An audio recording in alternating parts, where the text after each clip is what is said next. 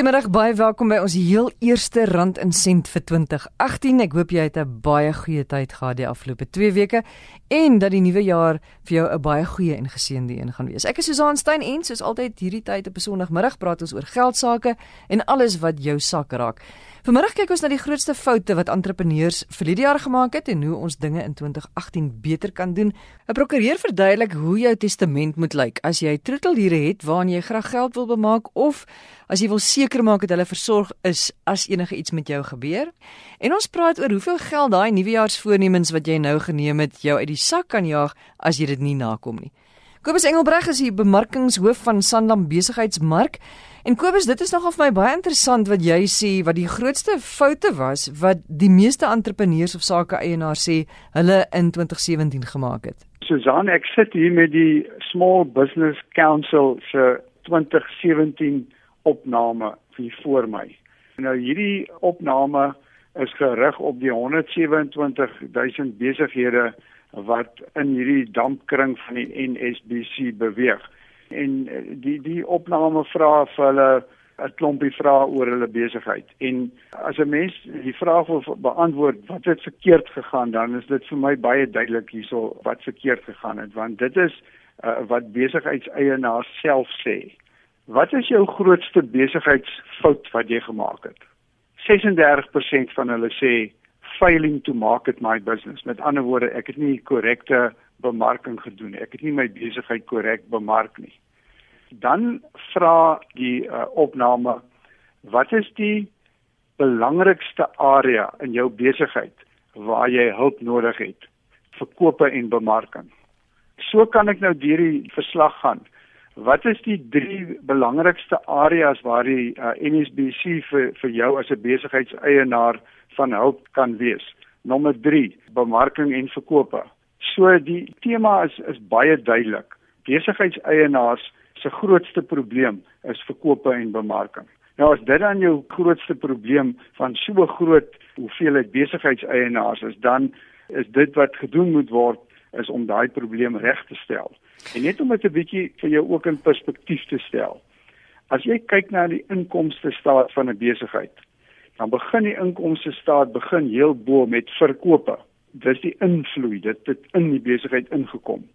Van daardie af die hele inkomste staat weer reg deur tot jy die netto wins bereken het, word alles afgetrek van verkope. So daar's twee maniere hoe jy jou besigheid kan groei. Jy kan bespaar ja, dis op al hierdie items wat jy nou aftrek van jou verkope syfer. Maar jy gaan net so tot jou besigheid tot op 'n sekere vlak kan bring deur te bespaar. Waar jy moet aan werk is dit wat invloei verkope. So dis hoekom verkope en bemarking so belangrik is.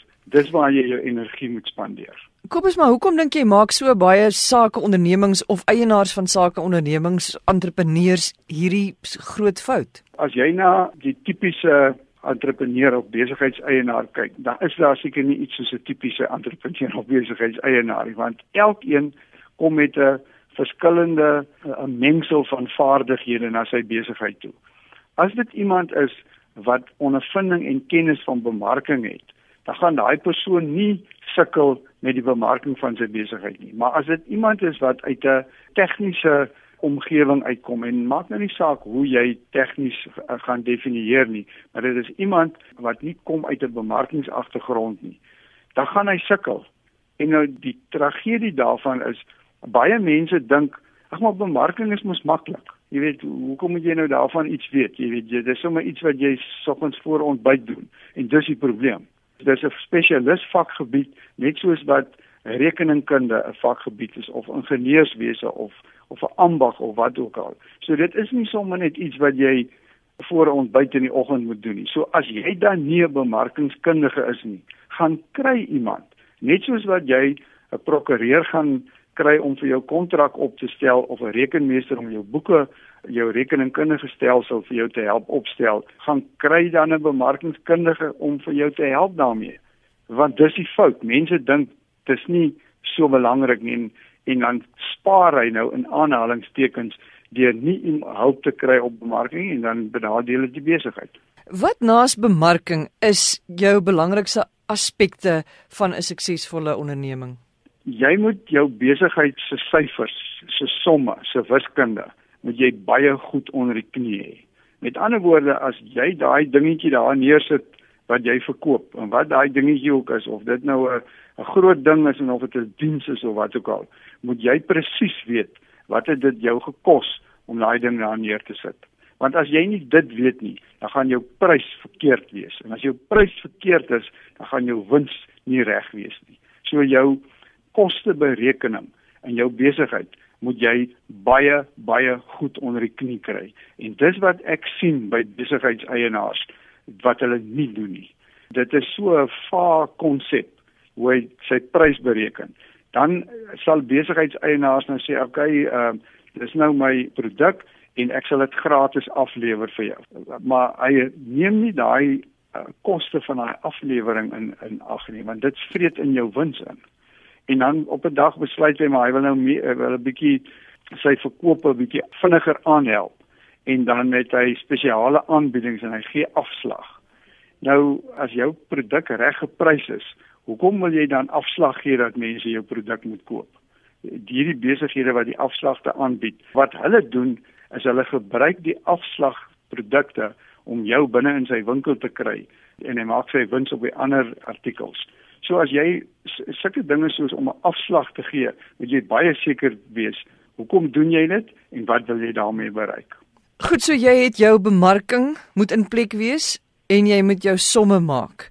Ja. Dan moet jy sekerlik ook sorg dat die produk wat jy verkoop en die diens wat jy verskaf uitstekend is. Dis natuurlik so en jy moet voortdurend besig wees om aan jou besigheid te werk. Nou wat ek daarmee bedoel is As jy in jou besigheid werk, dan is jy besig om te verkoop of jy's besig om rekeninge uit te stuur of geld in te vorder.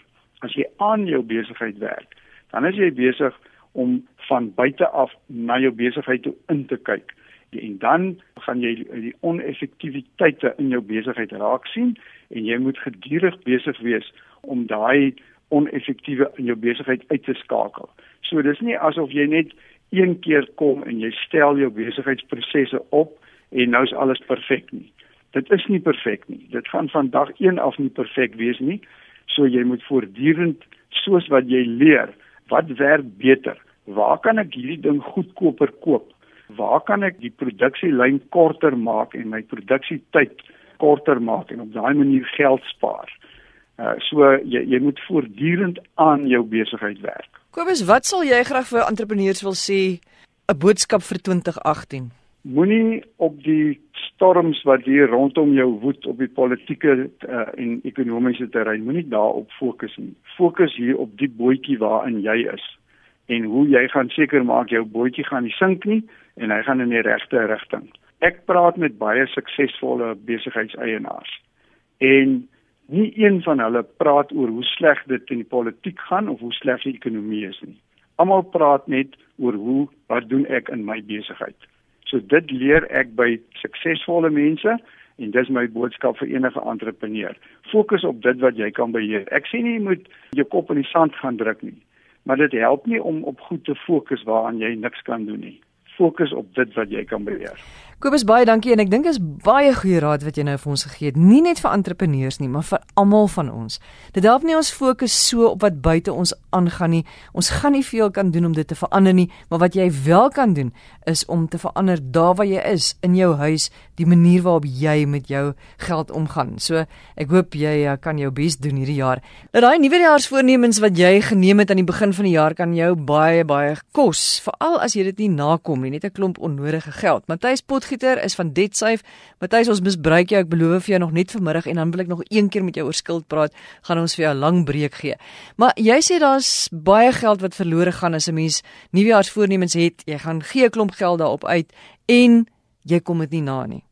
Heeltemal reg as jy dit sê. Die grootste ding wat ons agterkom is is en dit is 'n normale menslike ding. Sodra ons nuwejaar slaan, het ons altyd hierdie opgewondenheid want jy gaan deur Desember waar jy byvoorbeeld jouself geooreet het en jy besluit dat hierdie jaar gaan ek nie lyk soos wat ek Desember gelyk het nie. Ek gaan na myself kyk en die grootste ding wat mense sê gewoonlik is is beter lewenskwaliteit en hulle wil beter voel oor hulle self en beter lyk. So dan jaag almal natuurlik na die gym toe. Maar statistiek bewys en dit is 'n studie wat gedoen is deur Statistics Brains wat hulle sê dat van die persentasie van mense wat eintlik op die ou einde hulle nuwejaarsvoorneme deurloop van die jaar deurvoer is slegs 8%. Om en by die 15de Februarie raak mense heeltemal verpap as dit kom by hulle nuwejaarsvoorneem. En dan gewoonlik soos wat jy praat met 'n gym, het jy reeds aan daai gym kontrak geteken. En 'n gym kontrak is plus minus 2 jaar kontrak en dit kan jou tot en met R8000 in die 2 jaar uit die sak uitjaag. Wat 'n redelike groot bedrag is as jy hom nie gebruik nie. So dit is baie belangrik wanneer jy daai besluit maak en jy maak daai commitment vir 'n lack of a better word, dan moet jy seker maak dat jy wel daai gym op 'n gereelde basis gebruik sodat dit jou nie in die langtermyn net geld kos nie. Saam met die gimnasium kontrak kom natuurlik nou ook die begeerte om winkel toe te gaan en vir jou 'n paar mooi stukkies oefenklere te koop. So daarop gee jy dan ook nou nog geld uit. En natuurlik is daar dan nou die ander opsie van van tekkies en dit is 'n redelike duur duur uitgawe vandag as jy nou nuwe gaan nuwe oefenskoene gaan koop of of drafskoene. So met die hele euforie wat ons skei om te sê dat ons gaan nou so goed doen, kom daar addisionele uitgawes wat jy regtelik sê. Matthys, daar is sekerlik nog ander stokpe tydperkies ook wat mense dan nou 'n soort van besluit op die, om die jaar te volg. Wat is daar nog wat jy nou al uit ervaring geleer het wat mense nou byvoorbeeld doen of plekke waar hulle aansluit en dan hou hulle nie daarmee vol nie? In Desember is ons gewoonlik begeesterd want ons word blootgestel aan 'n klomp goedes en ons kuier saam met vriende en familie en familie en vriende het allerlei ander stokperdjies en dit klink vir ons na wonderlike idees. Dan hardloop ons aan die naaste winkel toe en ons gaan koop iets soos 'n fiets want ons gaan nou begin fietsry of ons gaan koop iets soos 'n kanoe ons gaan nou kanoe ry. En op die ouende raak daai soos die Afrikaners sê 'n wit olifant want ek doen dit een of twee keer en dan ewe skielik is dit net iets wat in die garage lê. Maar daai is 'n duur koste wat jy aangegaan het reg aan die begin omdat jy daai stokperdjie wil beoefen so dit gaan alles oor wanneer ek besluit ek iets moet doen, moet ek weet dit pas in my leefstyl uit. As jy byvoorbeeld in die stad bly en jy het nou ewe skielik vir jou 'n kanoe gekoop, hoe gereeld gaan ek dit kan gebruik? Gaan ek dit elke dag kan doen? Gaan ek dit elke naweek kan doen? Of gaan ek met 30 km of 40 km ry om daai tipe kanoe te kan gebruik? Op 'n sekere stadium gaan dit vir my so 'n beslommernis raak dat ek hom eerder maar net gaan los in die garage. Dieselfde met 'n fiets, as dit 'n bergfiets is of 'n padfiets is. As ek daai uitgawe aangaan, moet ek weet dat ek gaan daai kan gebruik. Dit pas in my lewenstyl in en daai is dan 'n nuwe besluit vir my lewenstyl wat ek moet doen. Ander mense sluit aan by bloedklubs. Hulle sluit aan by hardloop of stapgroepe. Hulle sluit aan by yoga klasse. Maar dit gaan alles oor wanneer ek daai besluit neem, moet ek weet dit pas in my leefstyl in, dit pas in my begroting in en ek moet dit deel maak van my leefstyl vir die volgende jaar om die beste value for money daai te kry.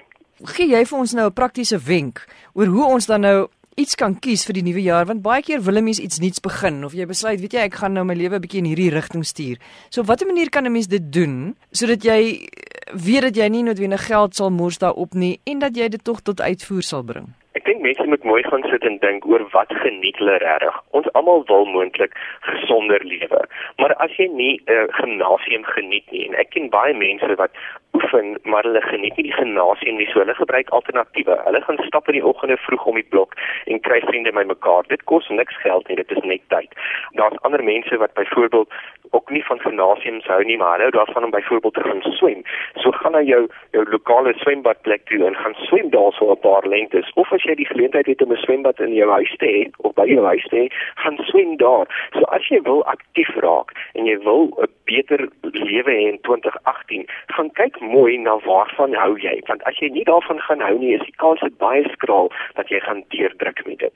So dis die eerste ding. Die tweede ding is, gaan kyk eers en oefen dit 'n paar keer en beproef dit 'n paar keer. As jy dink dit is gimnasium en jy het 'n vriend wat moontlik gimnasium toe gaan, en baie van die gimnasium kontrakte kan jy 'n uh, 'n vriend saamvat vir 'n paar dae wat gratis is. Gaan kyk dit eers uit. Kyk of dit regtig vir jou gaan werk en dan sluit jy aan. Ook onderhandel met mense. Jy kan jy hoef nie net wenner die 2 jaar kontrak te teken nie. Jy kan net 'n 1 jaar kontrak teken. Kyk ook 'n bietjie rond na ander tipe van gimnasiums. Jy hoef nie te gaan na die groot naam gimnasiums nie. Daar's dalk enetjie wat reg om die hoek is by jou wat dalk bietjie kleiner is, maar dis nader aan jou huis. Help ook nie as jy in die oggende vroeg moet opstaan en jy moet 10 km ry om by jou naaste gimnasium te kom nie. Daai 10 10 km in die kar is genoeg rede vir jou wat jy kan dink om nie gimnasium toe te gaan nie. So maak jou lewe vir jou makliker as jy hierdie besluit neem en kies goeders wat jy weet wat vir jou lekker is, want anders te gaan jy dit nie doen nie. Anders kan jy ook vir jou 'n oefenfiets koop op een of ander webtuiste wat tweedehandse oefenfietsse verkoop, want daar's baie van hulle. Want... En daar gaan verseker baie wees nou nou in Januarie van mense wat besef maar ek wil dit nie eintlik meer doen nie en jy kan moontlik 'n baie groot besparing doen en dan kan jy dit iewers vir jou opslaan, jy kan dit ewen doen terwyl jy dalk sewende laan kyk. Baie dankie Matthys Potgieter, hy is van DebtSafe. Ons het verlede jaar het ons verduidelik hoe 'n mens 'n testament opstel vir al hoe as jy kinders het. En baie luisteraars het toe gesê, "Ja, maar ek het troeteldiere en ehm um, kan ek vir my troeteldiere iets laat erf of hoe kan ek ten minste seker maak dat hulle goed versorg sal wees as ek iets oorkom?" Nicoline Skuman Lou van Skuman Law ingelyf is op die lyn en eh uh, Nicoline, wat sê jy? Ek ek weet dit klink seker nou verskriklik hard om dit te sê, maar van 'n wetlike oogpunt af word troeteldiere gesien as bates. En in daardie konteks beteken dit dat jy sal voor moet voorsiening self maak vir die eienaarsoordrag van die eienaarskap van die bate. Met ander woorde dat iemand die troeteldier self moet erf. So daar's vele maniere wat mens dit sou kon bewerkstellig. Mens sou dalk direk met 'n familielid of of 'n nabye vriend of vriendin kon gesels en sê ek wil graag hierdie in my testament insluit. Sal jy bereid wees om my troeteldier of troeteldiere te erf? En dan volgens dieselfde standaard en volgens my wense na om te sien totdat hulle lewenstydperk dan nou verby sou wees. So dis 'n een opsie om om daardie gesprek te hê en om om daarvoor voorsiening te maak en 'n uh, uiteensetting te gee van hoe mense sien dit dit behoort te werk. Met ander woorde, jy kan nie sê ek bemaak my alles wat ek besit aan Fluffy, my troeteldier en ek stel 'n trustee of 'n voog aan om na Fluffy te kyk nie. Jy sal moet sê ek bemaak al my besittings aan Nicoline en ook vir Fluffy en Nicoline sal dan na Fluffy kyk vir die res van Fluffy se lewe. Ja, en en dan om seker te maak dat jy bes, dat jy dit omskryf in in hoe jy prakties gesproke sien dit moet gebeur. Byvoorbeeld na of Fluffy se mediese onkoste of uh, sorg en en die tipe van goed op dieselfde standaard wat wat hy dan nou of sy dan nou um, gewoond was toe hulle nog in jou besit was.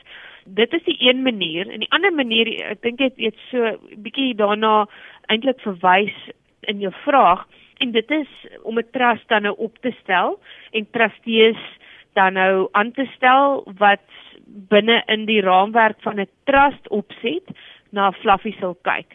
Met ander woorde dat dat jy struktuur daar stel om na die troeteldier om te sien sodat al die geld ensovoorts op 'n amper op 'n besigheidsstandaard bestee word, aangewend word dat daar kontroles is en sovoorts soos wat mens in 'n meer formele manier sou sien.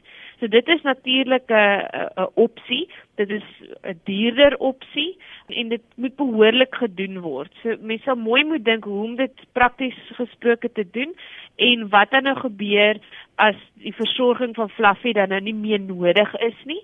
Na wie toe gaan enige oorblywende fondse of bates ensovoorts wat in die trust was om te sien na die troeteldier. So oor die algemeen stel ons eerder aan mense voor om die eerstgenome opsie eerder uit te oefen en om daai gesprek te hê met iemand wat jy voel jy kan vertrou of miskien selfs met 'n instansie en om vir hulle te sê ek bemaak vir Fluffy ensovoorts aan jou. En jy maak seker dat hy of sy nou omgesien word en mens stel dit uiteen. Nicoline, maar wat kan gebeur as jy nou Fluffy aan iemand bemaak of jou troeteldiere aan iemand bemaak en die persoon sê ja natuurlik ek gaan pragtig na hulle omsien en dan binne 'n jaar of twee besluit die persoon wel ek gaan nou emigreer. Ek wil nou nie meer na die na die troeteldiere omsien nie of ek gaan hulle nou vir iemand anders gee. Wat gebeur in so 'n geval? Ek daar's altyd ongelukkig 'n risiko dat so iets kon gebeur of selfs dat iemand 'n onderneming gee om om na die betrokke troeteldier of troeteldiere om te sien en dan vir watter rede ook al dit dit nie uit te voer soos wat hulle ooreengekom het toe die persoon nog gelewe het nie. So daar's altyd 'n risiko vir dit en mens moet besluit jy ken die betrokke persoon wat jy wil aanstel om om hierdie taak te verrig, jy ken hulle goed en jy moet besluit is daar 'n risiko dat hierdie persoon dalk nie hulle belofte aan my gaan nakom nie en nie al hierdie goed gaan um, gaan aanvul doen wat ons in die testament uiteengesit het nie. En as dit die geval is of as jy voel daar's enige risiko vir dit om te gebeur, dan is 'n trust of 'n soortgelyke uh, entiteit wat mens skep wat geskep word om die bestuur en die befondsing vir die nasien van die troeteldier dalk 'n beter opsie met betrekking tot regulasie. Mens moet ook dink daaraan dat die betrokke troeteldier dalk sieklik kon word ensovoorts en dat daar moeilike besluite ook geneem moet word. So mens moet maar 'n raamwerk skep wat mens dit kan kan reguleer en ten minste probeer dat die betrokke beloftes gehou word en die testament gevolg word. So dit kan dalk dan in daai situasie 'n beter opsie wees om maar 'n formele struktuur te bou en te kyk hoe om al die potensiële gate wat daar kan wees of of probleme wat kan opduik om dit aan te spreek. En as jy 'n trust skep, sou een van die lede van die trust dan sê nou maar die die troeteldier se voog wees of die persoon by wie die troeteldier gaan bly. Ja, of of mens kyk van 'n van 'n tegniese oogpunt af gaan mense dit moet struktureer dat jy die troeteldier bemaak aan iemand. Onthou volgens Suid-Afrikaanse reg word troeteldiere gesien as as essensieel bates en so jy sal met dit met handel soos wat mens met enige ander bate handel. So wat ons gewoonlik voorstel is jy bemaak 'n bate aan iemand en jy jy het 'n alternatief ook by. So byvoorbeeld ek bemaak aan my die troeteldier aan my suster, maar in geval vir watter rede ook al sy die, nie dit wil aanvaar nie, dan gaan dit na my broer toe vir argumentsonthaalde. En en mens kan meer as een alternatief ook hê om seker te maak as iemand dalk nie in 'n posisie is of bereid is om dit te aanvaar as net nou gesê as 'n voog amper, maar nie die nie die nie die troeteldier as sulks te aanvaar om, om hulle by hulle te laat bly nie, dan is dit maar beter om alternatiewes in te bou. Hmm. En dan ook met ander woorde die persoon word dan die begunstigde van so 'n trust met die verstandhouding dat hulle die geld moet aanwend om na die troeteldier om te sien of om te seker te maak dat die mediese onkoste ensovoorts gedek word. As jy iemand is wat dis nou meer van diere hou as van mense, kan jy byvoorbeeld sê ek wil hê al my bates moet verkoop word, my huis, my motor, ek wil hê al daai geld moet dan na 'n trust toe gaan of moet dan na my suster toe gaan wat na Fluffy gaan kyk en as Fluffy dan iets oorkom, dan wil ek hê daai geld moet gaan die oorblywende hoeveelheid geld moet gaan na een of ander dierebeskermingsvereniging as ek nou nie wil hê my suster moet dit erf nie of dit kan die een helfte na my suster toe gaan en een helfte gaan na die dierebeskerming toe. O beslis, die vryheid wat mens het om jou bates en en wêreldse goedere te bemaak soos wat jy goed dink, bestaan nog steeds selfs binne in hierdie konteks. Baie dankie Nicoline Skuman Lou van Skuman Law ingelyf. As jy na enige van ons gesprekke wil gaan luister, dan gaan jy na www.rsg.co.za, jy klik op potgooi, jy gaan na rand en sent in die soekveld. Of jy kan ook vir my 'n e-pos stuur as jy enige voorstelle het of enige vrae het, Susan@rsg.co.za. Susan S U Z A A N by rsg.co.za. Dankie vir die saamluister. Ons praat volgende Sondagmiddag verder en dan gaan ons vir jou help om 'n baie goeie begroting vir die jaar op te stel. En ons gaan ook kyk na maniere waarop jy hierdie jaar kan spaar.